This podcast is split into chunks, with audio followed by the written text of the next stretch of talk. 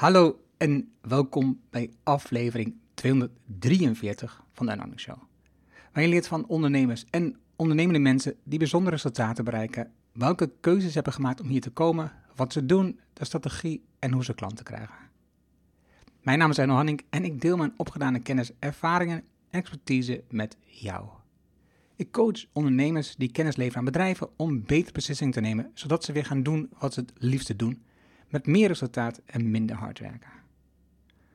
Vandaag het gesprek met Gerhard Tevelde. Gerhard is ondernemer, businesscoach en podcastmaker, eh, net als ik. Met zijn bedrijf Groeivoer helpt Gerhard ondernemers bij groeivraagstukken. En Gerhard is ook eigenaar van Eager People, een recruitmentbedrijf in de facilitaire branche. Ik sprak Gerard voor mijn podcast, maar ik was ook te gast in zijn Groeivoer podcast. Het mooie aan het verhaal van Gerhard is dat een studentenbaan in Utrecht al snel om werd gezet in een snel groeiend bedrijf. Keuzes maken om het tarief te verhogen wanneer ze professioneel gaan werken, dat was een spannende stap. En de keuze om vooral te gaan werken voor bedrijven leverde veel discussie op. Het bedrijf dat ze met z'n drieën zijn gestart, waarna een paar jaar Gerhard de kar alleen trekt. Interessante antwoorden waarom ze vestigingen zijn gestart in een paar steden en later alles weer centraal hebben teruggebracht naar Utrecht. Nu is hij operationeel nauwelijks actief in het bedrijf en dat heeft ervoor gezorgd om met groeivoer een nieuw initiatief te ontwikkelen. Waarbij we open praten over de ontdekkingen en de keuzes die we nu maken. Veel plezier met de inzichten van Gerhard. Laten we beginnen. Welkom in de Erno Hamming Show. De podcast waarin je leert over de beslissingen om te groeien als ondernemer met je bedrijf. Luister naar de persoonlijke verhalen van succesvolle ondernemers en ondernemende mensen. Dan nu, jouw business coach Erno Hamming. Oké, ik zit hier in Utrecht. En uh, we hebben net al een gesprek gehad. Um, we zitten hier in het pan van Groeivoor. Het zit midden in de stad Utrecht. Uh, ik kan me ook een beetje vergist met de parkeer daarvoor. maar goed, en um, we hebben net al een uitgebreide podcast-interview gehad bij Groeivoor met Gerhard Tevelde. En nu zitten we andersom. Nu zit Gerhard in mijn podcast. En um, gaan we Gerard aan het tand voelen, Gerhard, sorry, aan het tand voelen over um, nou, zijn historie en zijn bedrijf en zijn groei en zijn ontwikkeling en natuurlijk zijn keuzes. Mm. Gerhard is business coach, ondernemer, investeerder, spreker, groeiexpert en podcastmaker. Mm -hmm. De opties zijn oneindig. Oh nee, dat is niet waar. Het is eindig. Het zijn er in ieder geval veel. Um, je bent begonnen um, aan de HAVO. En toen ben je doorgegaan naar uh, Windesheim. Heb je gekozen voor HRM, personeel en arbeid. Mm -hmm. um, hoe, hoe ben je zo tot de keuze om, om dat vakgebied in te rollen? Hmm. Nou, ik, uh, ik heb eerst nog een, uh, een, jaartje management, economie en recht gedaan na de HAVO. Ah, die volgens mij staat dat niet eens op mijn LinkedIn. Want, nee, maar er staat wel, er staat wel want dat, er stond van 1995 tot 2002 dat je de HAVO had gedaan. Ik denk, hé, hey, dat is wel heel lang. Ja. Maar daar zit die smokkel in? Daar? Dus dat zou kunnen inderdaad, ja. Uh, nee, toen ik van de HAVO kwam, toen ging ik dan uh, maar een hbo-opleiding doen. Dat was een deurtje verder, want ik zat op het uh, Grijdanus College in Zwolle, super geformeerde school. En uh, het Windesheim zit er dan naast, hè. campus uh, 2 tot 6 is het geloof ik. En uh, ja, geen idee wat ik moest doen, echt niet. Dus nou, management, economie en recht, dat klonk wel goed, maar dat viel heel erg tegen. Hoezo viel het tegen dan? Ja, het was eigenlijk gewoon te juridisch voor mij, zeg maar. En, en ook vrij veel cijfertjes. Daar had ik toen ook niet zoveel mee. Plus, ik was net op kamers, dus ik was gewoon vooral veel in de kroeg te vinden. En uh, ja, ik was niet echt de ideale student ook. Hoezo? De dus, ideale uh, student dacht ik, jij is veel in de kroeg? Uh, ja, nou op zich is het goed om het leven een beetje te plukken. Maar ja, het is ook wel fijn om, uh, om, om wel je, je, je ECTS, je studiepunten bij elkaar te sprokkelen. En dat lukte gewoon niet zo goed. Nee, dus, um, dus toen ben ik overgestapt naar personeel en arbeid. En ja, goed, ik heb er achteraf een verhaal bij van ja, het sociale en het uh, zakelijke combineren. Want dat is natuurlijk wel wat je doet, hè, de menskant uh, verbinden aan de organisatiekant. Um, maar heel eerlijk gezegd, ja, ik zie een studie ook een beetje als een soort van uh, horde die je over moet rennen voordat het echte leven begint. Hè. Dus school is gewoon een horde lopen en iedere keer moet je weer over een, een hekje springen. En uiteindelijk mag je dan aan het echte leven beginnen. Ehm, ik geloof ook dat een derde van alle studenten in het eerste jaar stopt of switcht of verandert van opleiding. Um, maar goed, toen, ik dus personeel en arbeid ging doen, dacht ik wel van ja, nu dit, dit moet ik wel afmaken. Dus dat heb ik ook gedaan. Met tegenzin?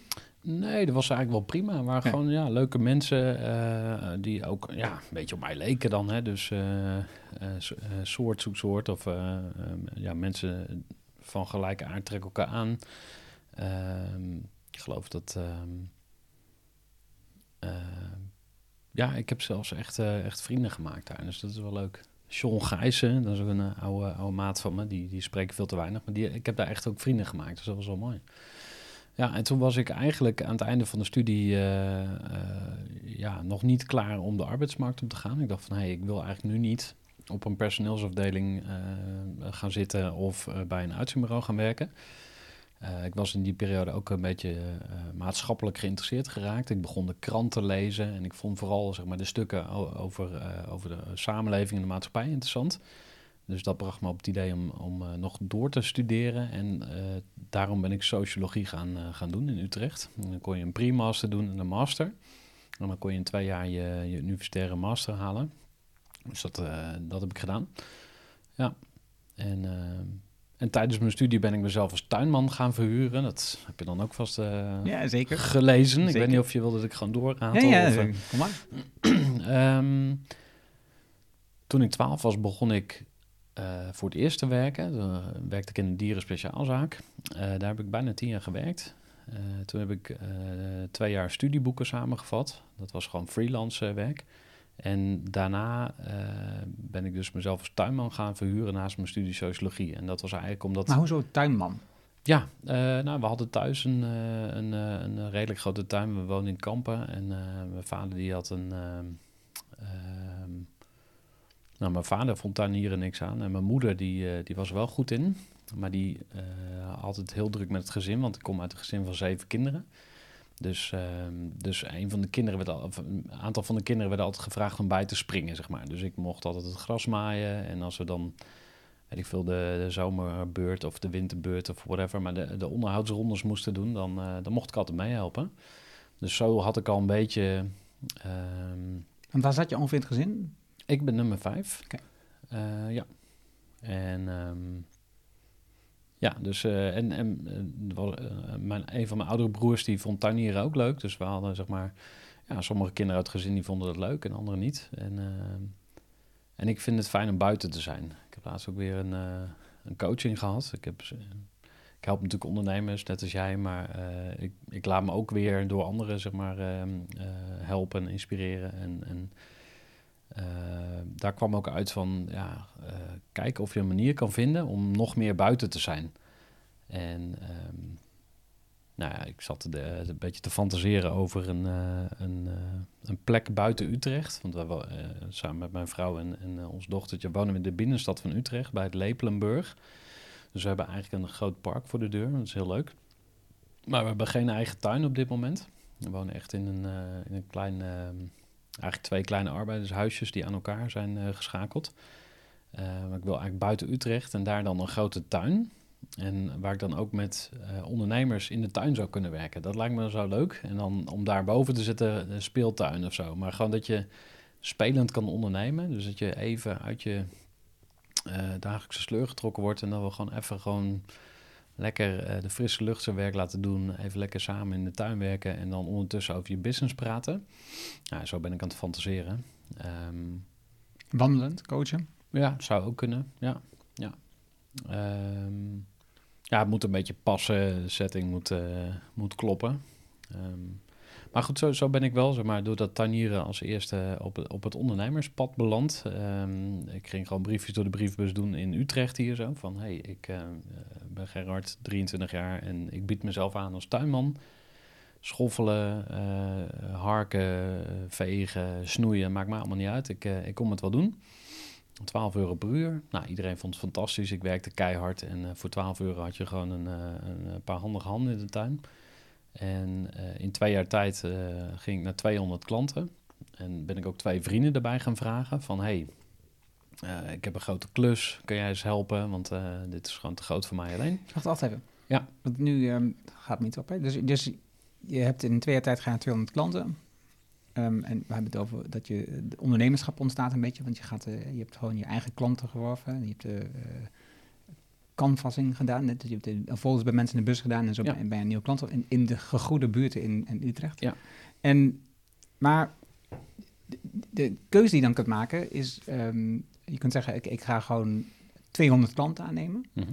En ik groei steeds verder. En ik ga mensen bijvragen. Maar de, keuze, de andere keuze die ik maak is gewoon... ik ga de prijs opvoeren. Mhm. En ik heb een maximaal aantal klanten. Hm. En, ehm, en, ik, en ik verdien steeds meer doordat ik aan die mensen meer vraag. Omdat ik betere kwaliteit heb of wat dan ook. Ja. Waarom ga je voor meer klanten? Ehm, ja, lastig om te beantwoorden hoe ik daar toen over dacht. Ehm, maar in principe, ehm, ja, we zijn, we zijn wel van 12 naar 15 euro gegaan. Dus we hebben het tarief wel iets omhoog gegooid. Maar ik denk, weet niet of je daar bedoelt, maar eh, het eh, groeidenken, zeg maar, dat zat wel gewoon heel vanzelfsprekend op het spoor van het moet altijd groter. Eh, toen we het bedrijf zeg maar, veranderd hebben van, want het heette De Tuinstudent, toen we nog alleen tuintjes deden, maar daarna zijn we het Mijn Student gaan noemen. Dus dat was een breder concept waarbij je studenten kon inhuren voor klusjes in en om het huis. Eh, uiteindelijk hebben we daar 10.000 eh, klanten mee geholpen, dus we zijn, van, we zijn nog, alleen nog maar door gaan schalen. En eh, we zijn toen ook bij ehm, we, dat zijn Joren, eh, Jochem en ik. We zijn met z'n drieën toen eh, Begonnen. VOF begonnen. Ja. En we zijn ook bij Jort Kelder, bij ons in de BV zijn we op tv geweest en zo. En we zaten helemaal in zo'n zo'n zo'n hype, zeg maar, van oh wat cool, we zijn aan het groeien en het gaat lukken. En ja, wij wisten van ondernemen eigenlijk heel weinig af. Dus dat, uiteindelijk is het ook best een lange leercurve geweest. Eh, die denk ik veel steiler had kunnen verlopen als we betere coaching hadden gehad. Dus dat is ook wel iets wat ik nu weer meeneem in de klanten waar ik mee werk. En dan vooral de starters. Ehm, ik zeg altijd, iedereen heeft recht op zijn eigen fouten, maar je hoeft ze niet allemaal zelf te maken. Dus leer gewoon van eh, mensen die het al gedaan hebben. Pak de kennis die voorhanden is over hoe zet ik een bedrijf op. Ehm, maar wij hebben echt gewoon bijvoorbeeld anderhalf jaar lang hebben we een, eh, hadden we een dienst, de schoonmaakstudent. En wij vroegen daar 15 euro ehm, eh, per uur voor. En toen bleek achteraf dat we daar 10 cent eh, winst per uur op hadden. En wij hadden, de- ja, we hadden dat überhaupt nooit uitgerekend. We hadden nooit uitgerekend van wat is onze marge dan? En wat gaat er gebeuren als we het gaan opschalen? We waren gewoon het opschalen gewoon van ja, boom. En dan zijn we maar eenmaal binnen bij die klanten. En dan gaan ze ons vanzelf ook wel inhuren voor de tuin en voor de verhuizing en het schilderen en dit en dat. En dat gebeurde dan niet. Hè? Dus dat, is ook, dat hoor ik nu nog steeds bij ondernemers die een verliesleidende dienst hebben, maar zeggen van ja, maar dat is een marketingtool. Nou, sorry hoor, maar dat, ik vind het zo Bullcrap. ja, dat is echt, eh, ik denk een zwaktebod. Ehm nou, en dit is typisch, ja, ik zie dat ook als een beginnersfout. Dat je niet van tevoren eh, uitrekent of bedenkt wat de consequenties van een keuze zijn. Nou ja, ik denk dat je... Wat je ziet is dat mensen... hè, Dus die brengen dan product uit wat dan te weinig... En vragen daar dan te weinig voor. Mhm. Ehm, met wat je zegt, met het idee dat mensen dan andere producten gaan afnemen of naar een volgend niveau groeien. Dat is natuurlijk ook wat je veel mensen doen. Hè? Dus ze hebben dan een instapproduct en mensen groeien door naar het volgende niveau. Mhm. Wat meestal niet gebeurt. Mhm. Het, op- voor het goedkope product trek je mensen aan die passen bij het goedkope product. Ja. En de tarieven van een ander product zijn vaak zoveel hoger dat je er andere klant, ander type klant voor Ja. nodig hebt. Ja. En dus eigenlijk wat je doet met zo'n groot product is eigenlijk je klantenbestand vervuilen. Ja. ja, wij zijn bijna letterlijk eh, al die 200 klanten waar ik het over had, die tuinklanten, zijn we bijna allemaal kwijtgeraakt. En wij gingen van 12 euro naar 15. Dat was allemaal nog eh, in het grijze circuit, zeg maar. Ehm, Zwart heet dat, toch? Ja, precies. Dat is iets duidelijker. Eh, wordt dit opgenomen? Ja, dit Ja. wordt opgenomen. Maar daar, daar Eh, komt niemand aan terug, dat is te lang. nee, dus precies. verjaard. Ja, maakt dat was eh, pikzwart. Eh, toen gingen we naar 22,50 inclusief BTW. Toen had je nog 19% BTW. En we zijn echt... Bijna al die klanten zijn we kwijtgeraakt. Want die waren op zoek naar een studentje... die voor 12 euro per uur cash bij jou komt eh beunen, zeg maar. En het product dat we toen hadden was eh, met een factuur. We kunnen ook gereedschap meenemen. We zijn verzekerd, bla bla bla bla bla. Maar dat waren ze niet naar op zoek. Ja.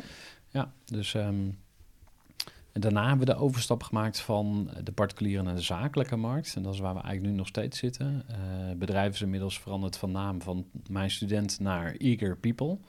Eh, eager gedreven. Dat is ook waarom we die naam gekozen hebben. Want dat, ehm, eh, zeg maar dat, dat gevoel, of eigenlijk de reden waarom klanten ons belden, was onder andere. eh, klanten belden ons onder andere omdat we hoog energiek waren, zeg maar. Gewoon echt, als wij binnenkwamen als studenten al, dan was het gewoon knallen en gaan en positief en, en een goede vibe, zeg maar. Dus maar echt energie komen brengen. En dat wilden we ook heel, veel, heel graag vasthouden in die, eh, in die nieuwe naam. Mhm. Ehm, waarin we, waarmee we dus zeg maar, ook niet alleen eh, studenten voor facilitair werk gingen inzetten, maar ook eh, bijvoorbeeld een service desk mede- medewerker of een interim facilitair coördinator of een eh, facilitair manager of een eh, manager huisvesting. Nou, allemaal dat soort ja, saaie termen misschien, maar wel hele noodzakelijke functies binnen bedrijven. Ehm, en eagerness, dat is natuurlijk van alle leeftijden. Ik bedoel, ik las laatst weer een verhaal van een vrouw van 84, die ging nog Japans leren. Ja. Hè, weet je wel, toch waarom mooi? ga je dan op die leeftijd, wat heb je daar nog aan? Nee, maar dat is de vraag gaat helemaal niet. niet Ik wil gewoon eh, dat, die drive, dat vuurtje, dat Ja. brandt. Ja. En ehm, ja. Zo, dus heb je een aantal stappen genoemd en, en, daarmee heel veel dingen overgeslagen. Dus je begint met z'n drieën, begin je dat bedrijf. Ja. Je groeit, je groeit, je groeit. Op een bepaald moment maak je de keuze om meer zakelijke klanten aan te nemen, in plaats van eh particuliere. Ja. En dat kwam voornamelijk door die prijszetting. Ja, we hadden een klant, het was een oudere zorginstelling hier in Utrecht, het eh, Bartholomeus gasthuis. En die gingen verbouwen. Die hadden 100 eh, bewonerskamers, die werden vergroot. En er moesten dus 100 bewoners eh, uitgehuisd worden en weer ingehuisd na de verbouwing. En uiteindelijk hebben we daar ruim 2 ton eh, omzet gefactureerd, inclusief eh, de opslag, want dat verzorgden we ook. En ja, toen we dat zagen, zeg maar, van hey, eh 2 ton versus gemiddelde verkoopwaarde van, laten we zeggen, 200 euro per klant, hè, als je dat eh, uitmiddelde. dacht van ja, we moeten gewoon, weet je, als we 10, 10 van dat soort klussen hebben, al, hebben we er maar drie per jaar, dan, dan gaat het al veel harder. Ehm, ja, dus zo kwamen we eigenlijk een beetje op dat zakelijke spoor. Ja.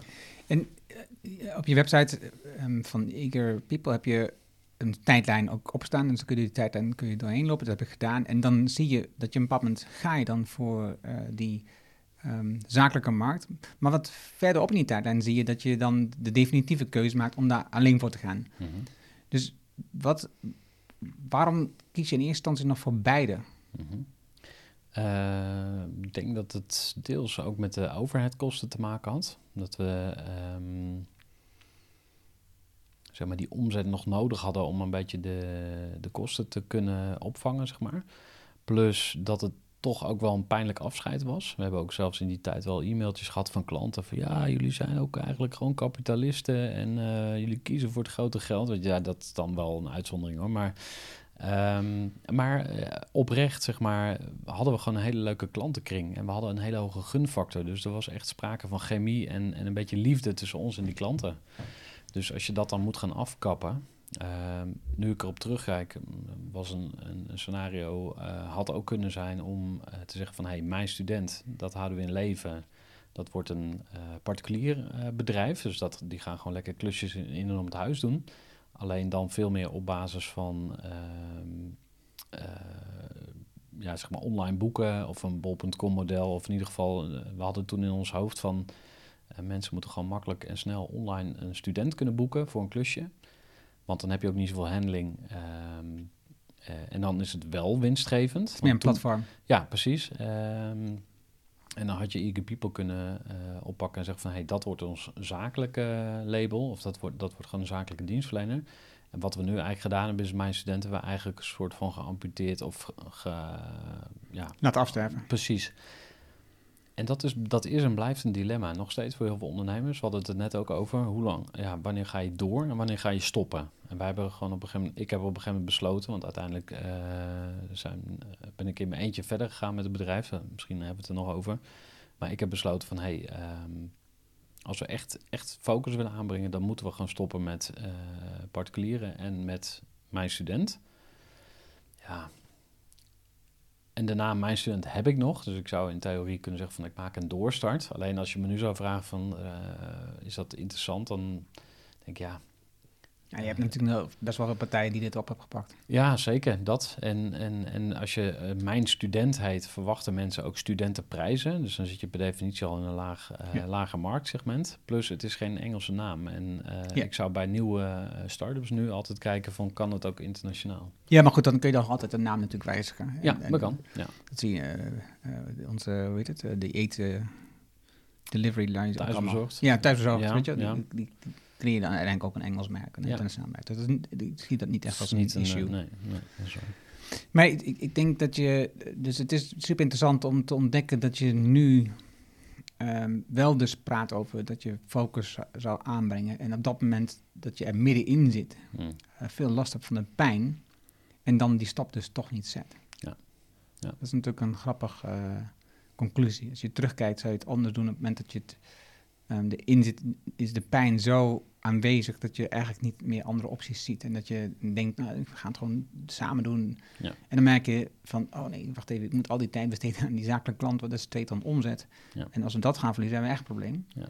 En dan maar twee klantjes van 200 euro minder. Ja. Ja. Um, dan gaat je eerste uh, medeoprichter vertrekt. Mm -hmm. En die, um, die ging wat anders doen, hè? Wat ik denk hoor. Die, um, Nee, dat is niet de kant waar ik op wil. We gaan even terug. Ja? Want je gaat groeien, groeien, groeien. En op een bepaald moment ga je ook vestigingen open. Mm -hmm. ja, mooie tijd was dat.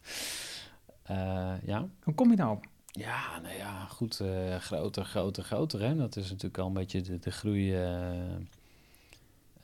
gedachte, of de, de, de, de, het klassieke groter, groter, groter. maar wij, wij wilden gewoon in heel Nederland dit gaan doen. Dat was eigenlijk gewoon de ambitie van mijn student, het eerste studentenklusbedrijf van Nederland. Wij helpen in heel Nederland mensen bij klusjes in om het huis. Dat was eigenlijk het idee. Uh, voor twee doelgroepen. Eén, uh, senioren, of nou, in ieder geval uh, mensen die het niet meer zelf kunnen. en twee verdieners, mensen die het niet zelf willen, dus die geen tijd hebben, maar wel geld. Um, dus toen zijn we uh, in Zwolle gestart, want ja, daar had ik gestudeerd. Joren kwam ook uit die hoek en uh, Jochem die vond het ook een prima plan. Um, en wij dachten toen van nou, we gaan eerst een pilotvestiging doen in een wat minder opvallende stad, Zwolle. En als dat goed is uh, en goed bevalt, dan gaan we dat in Amsterdam doen, Rotterdam, Den Haag enzovoort enzovoort. Dus ja, heel wat uurtjes in de auto gezeten, naar, over de A28 naar Zwolle gereden. Ja, achteraf ook daarvoor geldt weer van, ja, the waste of time. We hadden net zo goed meteen naar Amsterdam kunnen gaan. Want uh, ten eerste, ja, Zwolle was gewoon uh, niet de beste plek voor dit concept. Want? Um, twee dingen. Ik, was gewoon minder geld, zeg maar. Dus als je economisch uh, kijkt van Zwolle versus Amsterdam. Hè. Amsterdam is toch wel een meer grotere stad. Mensen zijn makkelijker met uitbesteden. En ook loyaliteit. Hè. Dus in, in Zwolle, of misschien moet ik zeggen, in Zwolle heb je nog wat meer van... je belt even bij de buurman aan en zeggen... Yo, Harry, mag ik even je ladder lenen? Of kun jij volgende week even de, de dakgoot schoonmaken, dan krijg je van mij een kratje bier, ik noem maar wat. Maar Ja. meer, we helpen elkaar. Nabberschap. Ja, precies. Ehm, dus dat. Ja, dat Maar ja, goed, we, wilden toch keihard met ons hoofd eh, tegen de muur beuken. dus we hebben dat eh, toch gedaan. Ja, ik zou, het, ik zou het niemand aanraden. En tot hoeveel vestigingen ben je gekomen? Ehm, we hadden eh, die pilotvestiging in Zwolle, die hebben we weer gesloten. Dus dan gingen we weer terug naar Utrecht. Toen zijn we naar Amsterdam gegaan. En we hebben nog een tijdje een ehm, eh, locatie gehad in Den Haag en Rotterdam. Maar dat was meer een, een soort ja, dis, of, eh, logistieke dis, eh, sp- plek waar we spullen hadden staan. Dus we hebben daar niet een fysiek kantoor gehad. En uiteindelijk hebben we ook weer vestiging Amsterdam gesloten. En nu zitten we alleen nog in Utrecht. Maar dat komt ook omdat eh, wat wij doen is ook veranderd, zeg maar. We zijn weer terug ehm, naar Utrecht gegaan ehm, in 2018, denk ik, of 2019. Volgens mij eind 2018.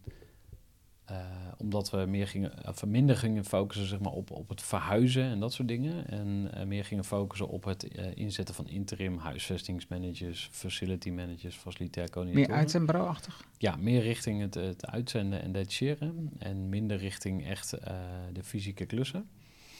Ehm, dus dan hoef je ook niet eh, een lokaal kantoor te hebben. Het kan wel.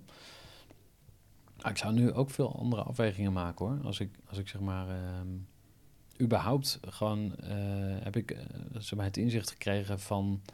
Je moet als een investeerder naar je bedrijf kijken. Dus, en eigenlijk heel logisch, want eh, jij als ondernemer investeert letterlijk al jouw tijd en geld en energie in je bedrijf. Dus wat krijg je ervoor terug? Ehm, en dan vind ik tijd misschien nog wat het ergste. Tijd die je niet doorbrengt met je kinderen, niet met je vrienden, niet om aan je gezondheid te werken, niet om gewoon in de, eh, in de buitenlucht, in de zon te zitten, weet je wel. Dus je tijd eh, is misschien nog wel de, de, de minst gewaardeerde eh, resource die je, die je hebt als ondernemer. Maar je denkt, ja, sweat equity, ik moet gewoon, ik, dat is ook weer een aanname, ik moet hard werken of ehm, eh, om iets een succes te maken moet ik hard werken. Nou, dat, misschien is dat soms zo, maar dat is zeker niet altijd zo. In Ik denk, dat, ik denk dat hetzelfde correct is, die aanname. hmm, ja. Zelden. Nee, dus er zijn andere manieren en, en hoe je daar dan eh, achter komt. Kijk, soms moet je even wel gewoon, eh, weet ik veel, een, een dwaalspoor inlopen en dan snel weer terug. Ehm, maar terug naar die investeerders mindset, zeg maar. Van als ik nu een vestiging zou openen, dan zou ik gewoon willen weten van... oké, wat gaat me dat brengen aan, aan plezier, maar ook gewoon aan resultaat. En eh, pas als de business case klopt, dan zou ik het doen. En toen was het veel meer ego-driven, zeg maar. Van ja, we moeten gewoon groter en eh, ongeacht de consequenties. Want we waren helemaal niet bezig met die consequenties. Ehm, we wilden gewoon groeien en groter worden. En bijvoorbeeld eh, de vestiging Amsterdam, eh, wat we toen eh opstarten, dat was in 2015 gingen we daar van start. Met een fysieke locatie. Dat was ook mijn persoonlijke project. Want ik was toen een nieuwe uitdaging en dus gaan we naar Amsterdam. En op zich hadden we ook wel argumenten. ik had ook wel onder, ik bedoel, het was een prima markt natuurlijk om naartoe te gaan. Dus het was niet alleen zo van ik wil een, nieuwe hobby, dus we gaan in Amsterdam een vestiging openen. Nee, er zit ook business. We hebben daar ook echt klanten binnengehaald. We hebben daar ook geld verdiend. Ehm, maar daarom ben ik ook zo getriggerd, zeg maar, door jouw onderwerpen, hè, beslissingen. Dus hoe kan je als onder, ondernemer ehm, tijd creëren en rust en, eh, en kwaliteit ook in je beslissingen. Dus hoe, ehm, op een gegeven moment bij Eager People hebben we nu ook een A4'tje. En dat heet Stappenplan Betere Besluiten. En die hangt gewoon op een aantal prikborden. En er staat gewoon op van, oké, dit zijn de stappen. En het begint altijd met informatie verzamelen. Ehm, maar heel vaak begin je bij stap 6, namelijk eh, we gaan het uitproberen. Ja. Ja, kansloos, kansloos. En dan moet je dus gewoon echt even uitzoomen met die wetenschappelijke blik ernaar kijken van oké, eh, Is, dat, is dat ook een wijsheid komt met de jaren? absoluut, ja. Ja, ja dat, ehm, ja, en door schade en schande wijs worden en, en, en, en, en vlieguren maken en de, de beroemde 10.000 uren eh, waarna je succesvol wordt. Ehm, ik denk als, als jonge ondernemer dat ik heel vaak ervaring, zeg maar, een soort van ehm, genegeerd heb of, of erop neer heb gekeken zelfs. Van ja, dat zijn die oude lullen die, eh, die snappen het niet of zo. Of een soort ja, bravoure of arrogantie die je dan als jonge ondernemer hebt, dat je alles beter weet. En ja, als je dan zelf zeg maar ervaren bent of in een andere levensfase zit, dan, eh, ja, dan, dan pas waardeer je zeg maar ervaring of zo. Ja. Dus ik vind het nu heel fijn dat je gewoon met een ondernemer praat en dan eigenlijk zonder dat je soms precies kan herleiden eh, waar het vandaan komt, het inzicht, maar je haalt gewoon moeiteloos uit je rugzakje iets en je kijkt gewoon als een soort van x-ray eh, door die ondernemer heen of je, maar je kan zo snel tot de kern komen. En soms is het ook heel eh, persoonlijk. Het gaat er soms ook over zelfvertrouwen, weet je wel, of over dat iemand zichzelf gewoon niet een, eh, iets gunt of zo, weet je wel. Ik zeg van, Eh, dus het gaat lang niet altijd alleen maar over de business. Over je marketing funnel is, is niet goed of zo. Of je, je, je pricing klopt niet. Maar vaak gaat het ook gewoon over... Ga nou eens gewoon echt voor jezelf zorgen. Gun jezelf gewoon ehm, wat jij verdient. En daarom, ik noemde het ook in, in het andere gesprek wat we hadden... Uh, over liefde, zeg maar. Als ondernemer stop je heel veel liefde in je bedrijf. En daar moet iets voor terugkomen. Ook dat is weer investor mindset, maar dan op een andere manier. Mm maar goed, ik haal er misschien te veel uh, bij. Maar... Nee, dat weet ik niet. Ik, ik, ik, ik, ik ben, er zijn veel dingen die voorbij komen waarvan ik denk, oh ja, dit is super interessant om in te gaan. Hmm. Eh, op je website Pap noem je dat je um, ehm, 500.000, een half miljoen, ja. Leergeld hebt in 10 jaar ondernemerschap. Hoe kwam je tot dat bedrag? Ja, nou, ik uh, hanteer eigenlijk twee getallen. En is die, die 500.000 euro. En dat, is eigenlijk, dat zijn eigenlijk feitelijke euro's. Dus um, ik heb twee keer een, een softwareproject uh, uh, gestart. Zonder succes. Dus we hebben twee... Um, ja, het is een heel verhaal vast natuurlijk. Um, waar zullen we beginnen zonder dat het een enorm verhaal wordt? Nou ja, we begonnen mijn student, studentenklusbedrijf. En we hadden een Excel-sheet en er stond precies in wie is wanneer waar. Dus uh, welke student is waar in de tuin aan het klussen of aan het verhuizen of allemaal dat soort dingen.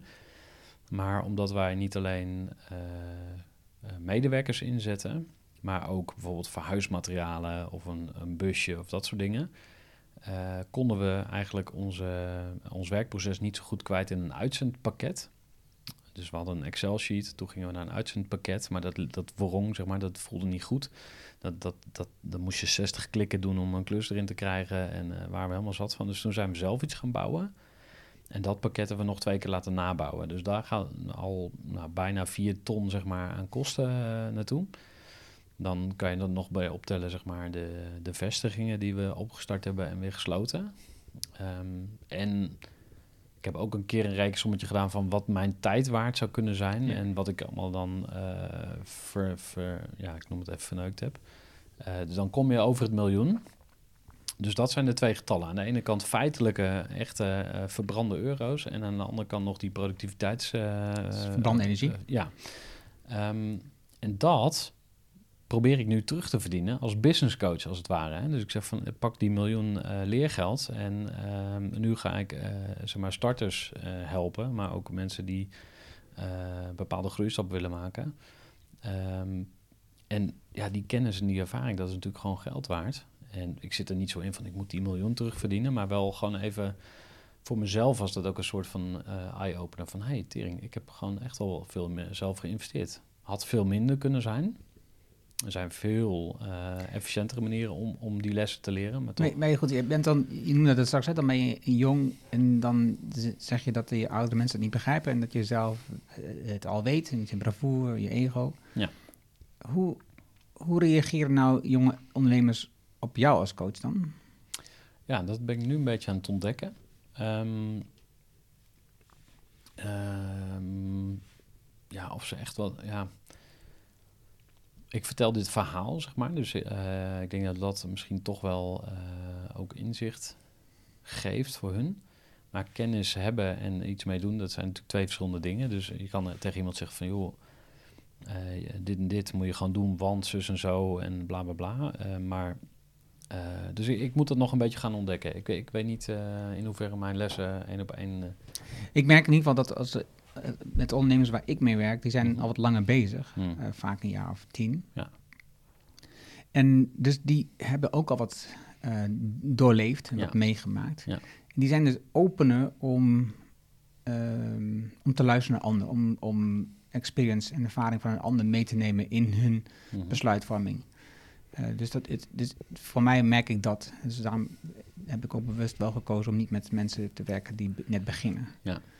Nou, wat wel, wat wel de mindset zeg maar, van die starters is, dat zit nu heel erg in growth hacking, zeg maar. Dus hoe kun je shortcuts nemen om snel succes te hebben. En die, dat, die denkwijze, dat zie ik wel bij starters.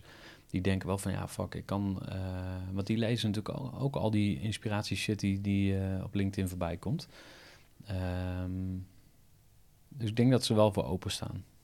Maar, maar op een andere manier. Precies, want ik denk dat het meer te maken heeft met het feit... hoe kan ik sneller, harder groeien... Ja. dan dat je ga nadenken... hoe kan ik slimmer mijn tijd besteden... en ook mm. meer tijd voor mezelf nemen. Mm, ja. Terwijl uiteindelijk, als je erachter komt... Uh, later. Dat, eh, wat je zegt, hè, dat je tijd voor je gezin, voor je gezondheid, ehm, voor vrienden, ehm, dat je dat alsnog bent misgelopen. Ja. Omdat je het enige wat je hebt gedaan is dat je eh, harder wilde groeien. Beuken, ja. En daar ehm, shortcuts verzoekt. Ik herinner me het gesprek met, ehm podcastgesprek met eh, Jason Reed ehm, van Fried van Basecamp. Hm. En dat ging heel even over op welke snelheid luister jij een podcast? Hm. Anderhalf of twee keer. Wat is dit van onzin? Hm. Ja. Waarom moet alles sneller en harder? En waarom is altijd overal een shortcut Mm. van? Waarom ga je een boek luisteren op een hogere snelheid dan die voorgelezen? Want waarom kun je niet gewoon de tijd nemen en de rust Mm. nemen om de dingen die je echt belangrijk vindt wel gewoon met aandacht te doen? Ja, maar dat vind ik heel mooi aan wat jij nu doet. De keuze die jij gemaakt hebt om eh, gewoon offline te gaan met klanten. En gewoon zeggen van, oké, het gaat echt, echt om die persoonlijke interactie. Ehm, en ik hoef niet per se meer, meer, meer, groter, groter, groter. Want per definitie offer je daar iets anders voor op. Ja. En dat offer wil jij niet meer eh, Nee. brengen. zeg maar. Nee, en, en ik, heb het, ik heb het eigenlijk nooit willen brengen. Hmm. Ehm, maar je wordt eh, ook geleid door nou ja, de verhalen van anderen. En je denkt dat dingen zo horen. Hmm. En op een bepaald moment ehm, nou ja, bereik je een bepaalde status of levensstijl of wat dan ook. Hmm. Waarbij je zegt, ja, weet je, het eigenlijk helemaal niks. Nee. Wat een ander van denkt.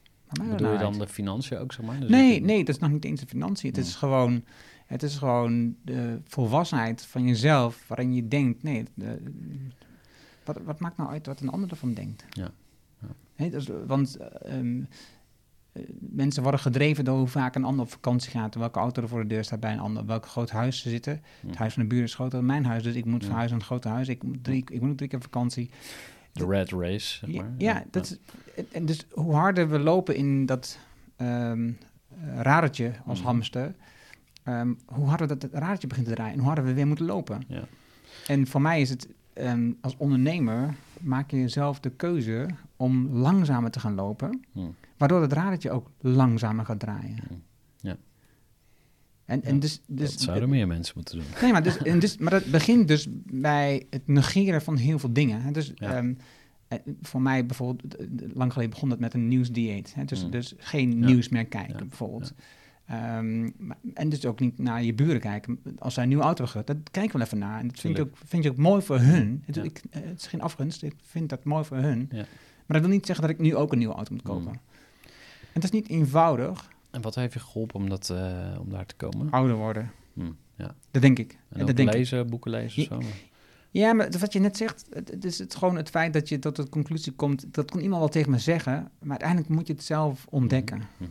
Weet je, uiteindelijk moet je zelf op een bepaald moment de wijsheid opbrengen om te zeggen, oh ja, nee, nu, nu interesseert me de ander denkt. Ja, nu ga ik ja. het gewoon zelf doen. Ja.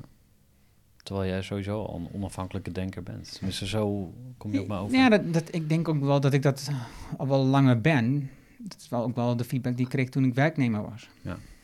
De eigenwijs eigenlijk. Of Nou, nee, eigen- nee, dat, of eigenlijk, nee, altijd hard, altijd hard ervoor gaan. Altijd ehm, nieuwe wegen bedenken. Altijd op zoek naar eh, verbeteringen in het bedrijf. Ook al was het niet mijn bedrijf, maakt niks uit. Dat is, die gedrevenheid had ik Ja. toen ook. Dus dat, dat is niet veranderd. Nee. Nee. Hey, en ehm, dan kom jij ook op een bepaalde fase om keuzes te maken. En je zegt, ik ga, ik stap terug uit de ehm, operatie van ehm, je, je, je, bedrijf, je oorspronkelijke bedrijf. En je Ja. begint een nieuw bedrijf. Ja. Ehm, de meest makkelijke vraag is waarom? Mhm. Maar misschien nog net zo mooi is, wat was de start daarvoor? Ehm, Wat was de knip, zeg maar? Ja, de, de, de eye-opener of de, de wake-up call, die heb ik gehad van Taka Oosterkamp. Eh, Mhm. als je het hebt over credits due, where credits are due. Ehm, ik was op eh, een event van hem en ehm, ja, nu is het, Over ehm, het event, welk was dat? ja, 2016, het, ik denk dat het over delegeren ging. Ja, precies. zeker. Die- Ja. ja, ja. Ik heb hem hier laatst ook gehad en eh, Oh, een aantal van zijn boeken gegeven. Ehm, Schaamteloos delegeren is, zijn, eh, het boek waar ik het meest dol op ben. En wat, wat ook echt in mijn ogen iets is wat je kan herlezen. Ehm, maar ik zat daar en, en hij ging uitleggen van... Hey, hoe, of waar zit je nu in je bedrijf? En hij legde dat uit aan de hand van vijf versnellingen. Dus eh, versnelling 1 is je bent gewoon medewerker. Versnelling 2, meewerkend voorman. Versnelling 3 is manager. Dus je stuurt mensen aan. Uh, vier is directeur. Dus je stuurt mensen aan die mensen aansturen. En nummertje vijf is aandeelhouder. Je bent gewoon eigenaar van het bedrijf, maar je doet verder geen reet meer. En toen dacht ik, of geen reet meer, maar je bent, uh, you own the business, but you don't operate it. En toen dacht ik, dat is vet, dat wil ik wel bereiken. En daar zat ook wel heel veel ego in. Ik had dan ook overhemdjes aan, met, of uh, jasjes met pochetten en dingen. En Oh ja, ja. mijn uh, profielfoto op LinkedIn, dus dat ook nog steeds. Dus Ja. ben ik nu bezig met eh, een nieuwe foto. Ehm, maar heel veel ego. En eh, het lezen van Eckhart Tolle heeft mij heel erg geholpen om, om dat eh, te temmen, zeg maar. Want ik geloof dat je het ego moet temmen. Eh, of in ieder geval voor je laten werken in plaats van eh, tegen je. Ehm, Wanneer Maar- werkt het ego voor je? Als het je in beweging brengt richting ehm, wat echt belangrijk is, wat goed is, zeg maar. Dus iets wat eh, iets oplevert voor jou eh, en voor mensen om je heen. Dus als jij vanuit ego mooie eh, iets goeds creëert, zeg maar, dan vind ik dat fijn. Dus ik ken bijvoorbeeld, of ik moet nu even denken aan Elwin Groeneveld. Dat is de CEO van Credits. Credits is een eh, kredietverstrekker, dus die doen eh, microkredieten tot 50.000 euro. En die verlenen bijvoorbeeld eh, leningen aan mensen die een nagelstudio willen beginnen. Of eh, zeg maar de echt kleine ondernemers in de economie. Als die bij de bank aankloppen en de bank zegt van... ja, sorry, maar minder dan 50.000 euro... daar kan wij uitlenen, kan ons bed niet voor uit. Credit doet dat wel. Credit is een stichting. Er werken 200 mensen. Zit in Hengelo, Almelo, Almelo volgens mij. Maar anyways, die gast heeft natuurlijk ook een ego, snap je? Eh, die wil gewoon iets presteren, die wil iets neerzetten, die wil iets uit de grond knallen, die wil eh, groeien, groeien, groeien. Dat is misschien wel ego, maar wel met een goede uitkomst. Dus hij maakt de wereld mooier en beter. En dat geldt misschien ook wel voor Danielle Brown, die net even voorbij kwam als antropoloog des vaderlands. Iedereen heeft, of die heeft ook een ego, want die wil ook... Hè, dus ehm, ik noem het eh, raketvloeistof. Hè? Dus ego is rocket fuel. Het, brengt je uit de dampkring. Het zorgt ervoor dat je ergens komt. Ehm, maar als je het opdringt, dan wordt het je dood. Dus als je eh, het zeg maar tot je neemt, eh, dan is het als een soort van narcissus. Hè? Die verdronken zijn eigen spiegelbeeld. Vandaar een... nou, anyways, ik dwaal een beetje af. Maar waar het over gaat is, hoe kan je ego balanceren? En dat geldt denk ik voor heel veel dingen. Want als je beslissingen neemt, een van jouw onderwerpen... en je bent alleen maar in je hoofd en alleen maar met argumenten bezig... en feiten en informatie... dan zie je misschien een, een stuk over het hoofd... wat ook gaat over eh, andere zintuigen... of je hart volgen of whatever. Maar als je alleen maar je hart aan het volgen bent en je gevoel volgt... dan zit je ook niet goed. Dus in plaats van dat we in tegenstellingen denken... eh, zouden we veel meer in, in synergie moeten denken. Dus en-en in plaats van of-of. Ehm, helemaal terug naar het event 2016, Taken Oosterkamp. Hij zei, je moet aandeelhouder worden. Ik dacht, ja, dat is het, dat is tof. Dus toen, eh, en je moet aan je bedrijf gaan werken in plaats van in je bedrijf. Nou, ik, had er nog nooit van gehoord. Ik dacht, wow, ja, je hebt gelijk ook. Ja, ik moet aan mijn bedrijf gaan werken. Terwijl nu, voor de, ik noem het nu echt een business cliché, weet je wel. Iedereen roept dat. En, eh, maar goed, clichés zijn natuurlijk ook eh, waar, in ieder geval heel vaak. Dus vanaf dat moment ben ik een proces ingegaan waarin ik steeds meer uh, heel bewust uh, dingen ging loslaten. en nu ik terugkijk, weet ik dat ik dat al eerder was gaan doen. Want bijvoorbeeld in 2008 zijn we begonnen met mijn student. En in 2009 uh, gingen we ook computerhulp doen. En toen werden we heel veel gebeld door particulieren van... hé, hey, mijn computer is stuk. En nou, op een gegeven moment had ik honderd keer zo'n klant aan de lijn gehad. Ik was er helemaal klaar mee. Dus toen zei ik, ik doe het gewoon niet meer. En dat was uh, toen al een van mijn dingen, gewoon van werkweigering. Van uh, wat ik niet uh, leuk vind en wat ook prima overdraagbaar is aan iemand anders die ervoor in kan huren, dat, doe, dat, dat delegeer ik meteen. Dus het delegeren zat maar wel een beetje in, in mijn handelingsrepertoire, zeg maar. Alleen ik flikker het gewoon over de schutting. Of ik schoof het af, of ik, ik, ik, ik droeg het over zonder informatie weet je wel, dus delegeren is ook een, uh, iets waar je, waar je beter in kan worden. Ja, kun je leren. Ja, dus maar tot en met het punt, en dat staat natuurlijk ook in de groeiboeken, van uh, je kan niet groeien als je geen goede, of als je geen mensen hebt die ehm, verantwoordelijkheid kunnen dragen. Jij noemde ook een voorbeeld uit jouw uh, klantenkring van een fysiotherapiepraktijk waarin de eigenaar ook meer ruimte gaf aan eh, teamleden om ook verantwoordelijkheid te dragen. Nou, dat, dat is wel noodzakelijk, dus dat heb ik ook gedaan. Dus ik heb nu twee gasten, Dennis en Floor. Die runnen samen Eager People. We hebben elke vrijdag een call. Voordat jij kwam vanochtend uh, hebben we ook weer een uh, uur ge, gezoomd met elkaar. En één keer per maand zien we elkaar live. En verder ben ik gewoon ook niet meer op kantoor. Want als ik er ben, dan ga ik me weer overal tegenaan bemoeien. En dan gaan mensen ook weer naar mij komen met Ja. problemen. Ja. Ik ga ze oplossen en Ja, dan komen we weer in dat. cirkeltje Ja. terecht. Ja. Dus, eh, maar ik haal wel mijn salaris eruit. Dus ik heb gewoon mijn, mijn, eh, mijn inkomen en winst. Ehm, en eh, nu ben ik met groeivoer begonnen. En nu ben ik eigenlijk met groeivoer weer in een soort start-up eh, situatie beland. En ehm, nou, nu heb ik de uitdaging om, om groeivoer winstgevend te maken. Dus eh, ja. Ja.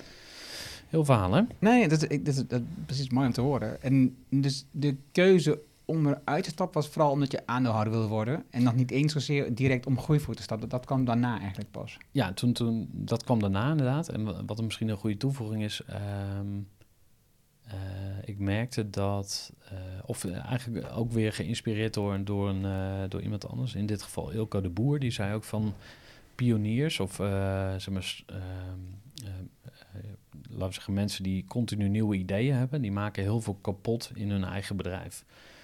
Ehm, waarschijnlijk heeft dat, hij dat idee ook weer ergens anders opgepikt, maar dat maakt verder niet uit. Maar ehm, eigenlijk heb je destructief gedrag in je eigen bedrijf. Dus zodra iets werkt, dan zeg je, nou, het werkt. Leuk, we gaan nu weer wat anders doen. En zo ga je dus nooit wat opbouwen. Dus je gaat iedere keer je melkkoe zeg maar, naar de slag brengen en weer een nieuw kalfje eh, opfokken. Dat moet je dus niet doen. Dus zodra je een melkkoe hebt, eh, zet daar iemand op die het leuk vindt om koeien te melken. En ga ze dan zelf weer eh, een nieuw weilandje inrennen. Maar ga niet iedere keer ehm, eh, ja, de kip met het gouden eieren eh, slachten. Ja, de- het model wat bijvoorbeeld ehm, uit het Entrepreneurial Organizational systeem komt, dat is eigenlijk een afgeleide van ehm, Scaling Up. Mhm. Dan heb je de drie functies in je bedrijf die de standaard altijd is, is dus marketing, sales, de organisatie, de productie, zeg maar, en de financiën. Hmm. En dus je zorgt ervoor dat het product verkocht wordt, dat is stap 1. Je produceert het, of Hmm. je, maakt- je levert de dienst. En dan zorg je ervoor dat je je geld krijgt. Dat, Hmm. zijn, dat is een standaard proces in elk bedrijf geldt dat. Dat hoort er altijd bij. Ja. Ehm, dan heb je um, de bovenaan staat een visionair. Dus de boven is ehm, niet zo belangrijk. Hè? Dus het, ik kan er ook tussen staan. Maar in ieder geval, je hebt de visionair. Die heeft ideeën en plannen en, en, en die gaat telkens voor nieuwe dingen. Wil je nou niet dat telkens de organisatie weer van vooraf aan begint en alle Ja. mensen weer zeggen, "Oh, komt hij weer zijn ideeën en dan dat- moet ik weer wat anders. Ja. En die mensen die zoeken niet, die zoeken niet de, de, de uitdagingen die jij de hele tijd zoekt, die zoeken niet telkens die verandering. Mhm. Ehm, dan is het goed, want anders lopen ze weg. Hè? Die Ja. mensen die vertrekken gewoon uiteindelijk gewoon. Dan is het handig om wel iemand tussen te schakelen, wat dat boek dan noemt een integrator. Hmm. Dus een persoon die tussen de visionair staat en de rest van het bedrijf, waardoor ehm, telkens als visionair komt een idee, dit moeten we gaan doen, dit is nu, dit is, dat moet nu gebeuren, dit is echt super gaaf, dit, gaat ons echt veranderen in de toekomst, hiermee gaan we echt groeien. Ja. Dan zegt die, dan zegt die integrator, dat is een fantastisch idee, maar ik, ik kijk even naar ons lijstje, we hebben een lijstje gemaakt van de dingen die we het komende kwartaal voor onze prioriteit hebben, daar staat hij niet op. Ja. Dus we wachten even een kwartaal en dan, dan kijken we verder. En dan gaan we overleggen wat op dat moment onze prioriteiten zijn. Dus wat die, wat die integrator doet, is eigenlijk een soort... ehm, eh, eh, Filter of zo, of Ja. poortwachter. Of, ja, eh, zoiets voor de ondernemer. mm, ja. Om ervoor te zorgen dat de organisatie gewoon blijft doorgroeien en Mm. blijft bestaan en ook winstgevend is. Ehm, terwijl de, de visionair niet wordt geremd in zijn energie. Mm. Hè, want die kan dan nieuwe alternatieven, nieuwe initiatieven ontwikkelen. Die kan een nieuw bedrijf starten als jij dat nu doet. Nou ja, ehm, en dat kun je ook doen terwijl je in je bedrijf... en Je hebt gekozen om echt helemaal uit je bedrijf te stappen. Ja. Dat is dat grotendeels. Ja. Nu ben je gestart met groeivoer. Ja. Wat, heb je voor jezelf een termijn gezegd van dan wil ik het op een bepaald niveau hebben? Ja, ik wil in ieder geval binnen twee jaar winstgevend zijn. Dat moet, dat moet sowieso wel lukken. Ehm, en ja, mijn commitment is eh, vijf jaar, zeg maar, om echt zelf eh, heel veel te doen. Want eh, toen ik begon, toen was natuurlijk weer de vraag van ja, hoe diep ga je dan in zo'n bedrijf duiken, zeg maar. Dus je, je stapt helemaal uit je bedrijf en dan ga je vervolgens weer head over heels in een nieuw bedrijf. Hoe, hoe, ga, hoe zie je dat voor je? En toen heb ik voor mezelf besloten eh, van... ehm, eh, ik wil te alle tijden mijn vrijheid bewaken. Dus ik wil zeg maar, niet mezelf helemaal klem zetten met allerlei afspraken. Ehm, en wat ik heel leuk vind en waar ook denk ik wel mijn, eh, of een van mijn kwaliteiten zit, is creatie. Dus gewoon, boom, weet je wel, Stardust, gewoon iets uit het niets, eh, zeg maar, verzinnen, wat typisch de pioniers kunnen. Nou, volgens mij ben je ook zo'n zo'n pionierstype die gewoon van, van niets iets kan maken. Uh, dat wil ik doen. Dus ik wil ook nieuwe bedrijven starten. Dus een van de ideeën die ik ook heb, en ik heb nu drie ondernemers waarmee ik ook in gesprek ben daarover, is om business coaching te doen, maar dan niet voor geld, maar voor aandelen. En dat idee bestaat al. Hè. Je hebt in Amsterdam de Startup Bootcamp. Die bieden een netwerk en een werkplek. En eventueel financiering uit hun netwerk. Next Amsterdam doet dat ook? Ja, dus dan, en ze vragen daar geloof ik 6 tot 8 procent van de aandelen. En uh, toen ik dat hoorde, dacht ik, hé, hey, dat ga ik ook doen. Dus dat ben ik nu uh, aan het uh, verkennen. En mijn accountant, die, die, helpt dan zeg maar een beetje met de juridische kant en de cijferkant. Want ja, wel handig. alles moet wel kloppen. En met name gewoon de business case moet heel goed zijn. Want ook daarvoor geldt weer, ik kijk als investeerder, ga ik... ik ga er sowieso geen geld in steken in principe. Want ik vind geld moet...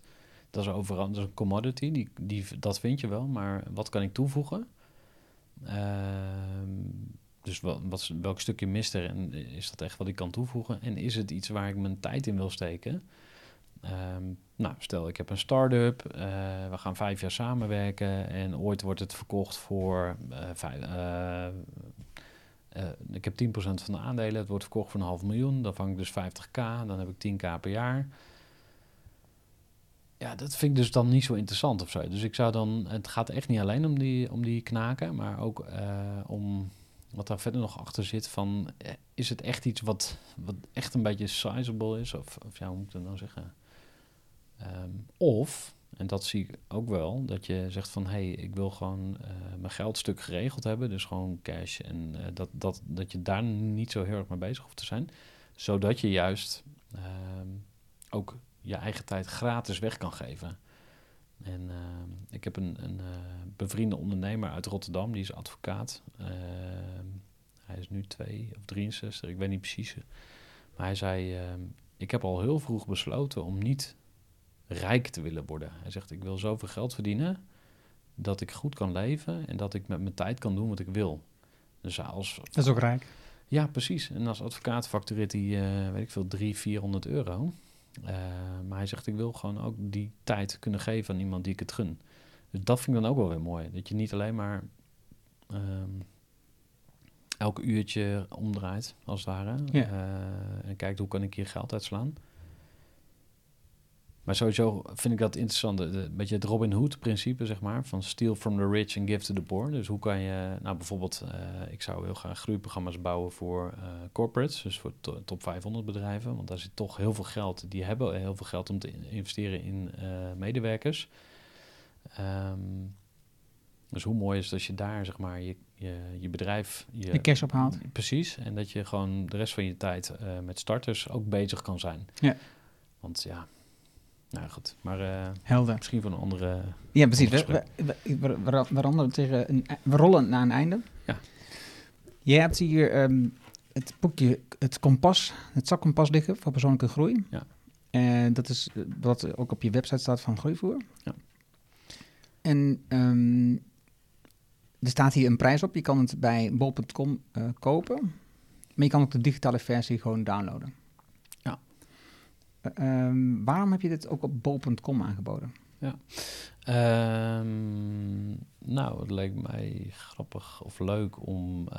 Um, het begon bij het, het, uh, het idee om een, uh, een unieke uh, relatiegeschenk te maken voor klanten van Eager People. Dus ik dacht van, hey, kunnen we iets maken wat uh, meer waarde vertegenwoordigt dan een pennenbakje of een, uh, een handdoek met je logo erop of een of ander afgezaagd uh, relatiegeschenk. Toen dacht ik, hé, hey, ik, ik had in die fase begon ik echt met het opeten van managementboeken, zeg maar, heel veel aan het lezen. En toen dacht ik, hé, hey, dat ga ik doen. Ik ga een boekje maken met de tien beste ideeën voor persoonlijke groei. En daar is dus een zakkompas voor persoonlijke groei uit, uh, uit voortgekomen. En toen, diezelfde periode, dacht ik van... hé, hey, ik wil eigenlijk een boek schrijven. En toen dacht ik, huh, ik heb eigenlijk een boekje gemaakt. Het is een boekje. Ehm, toen heb ik een ISBN-nummer aangevraagd. Ik, ik zei van zet het ook op bol.com. Ehm, en de reden daarvoor is dat het gewoon lekker communiceert. Van, eh, het staat ook op bol.com voor 8 euro, maar weet je wat, jij krijgt het gratis. Eh, dus het is natuurlijk een beetje een trucje. Ehm, maar het werkt wel. En, ehm, is, is er, heb je, merk je verkoop vanuit bol.com? Nee, nauwelijks. Nee, nauwelijks. ik heb er misschien uh, 20, 30 verkocht of zo oh, via die route.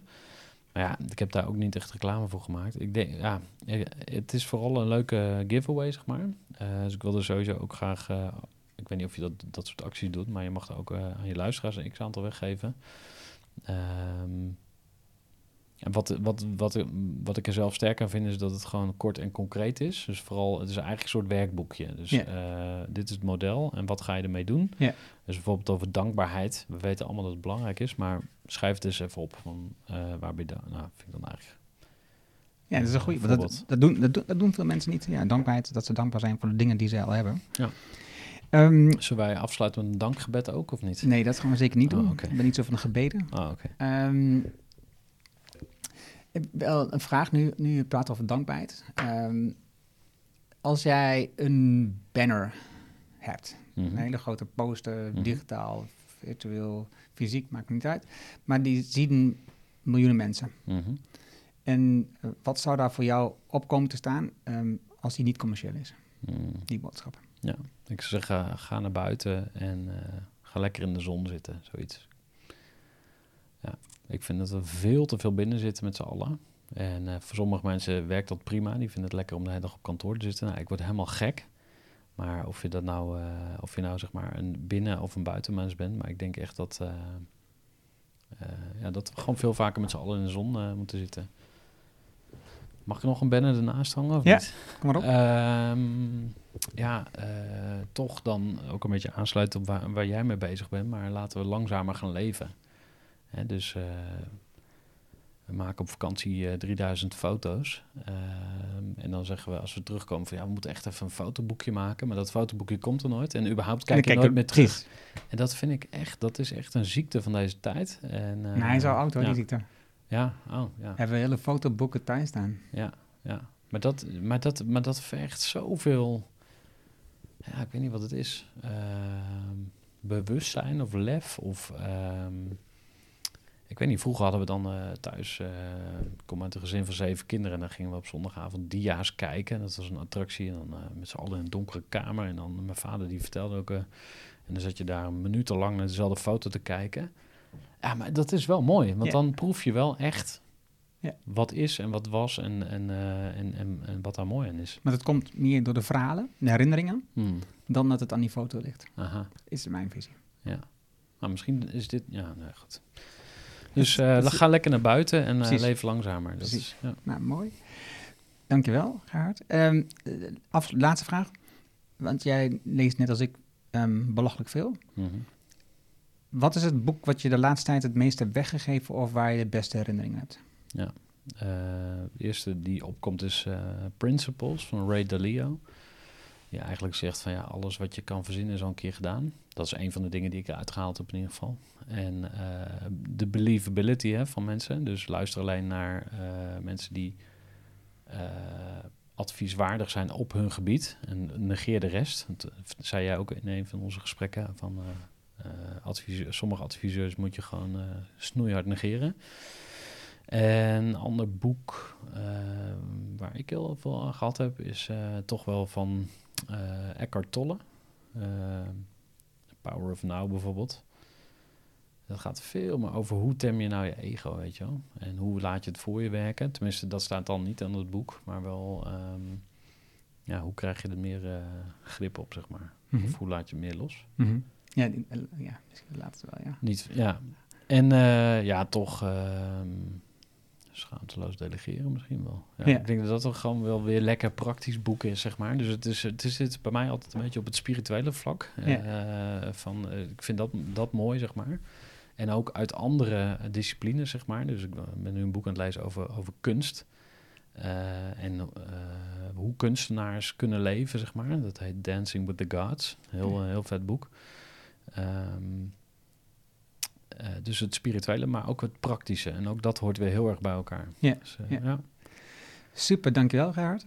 Ehm, waar kunnen mensen je het beste bereiken? Wat is de meest makkelijke manier? Eh, nou, groeivoer.nl zou kunnen. En anders even via LinkedIn. Dus eh, als ze mij even opzoeken, Gerhard te Velde. Gerhard op zijn Duits. Met een H. Met een H in het midden. Eh, ja, voeg me gerust toe. En eh, ja, kom, eh, kunt ook een keer naar de groeiclub eh, komen. Ehm, ja, mogelijkheden genoeg. Super, dankjewel. Jij ook bedankt.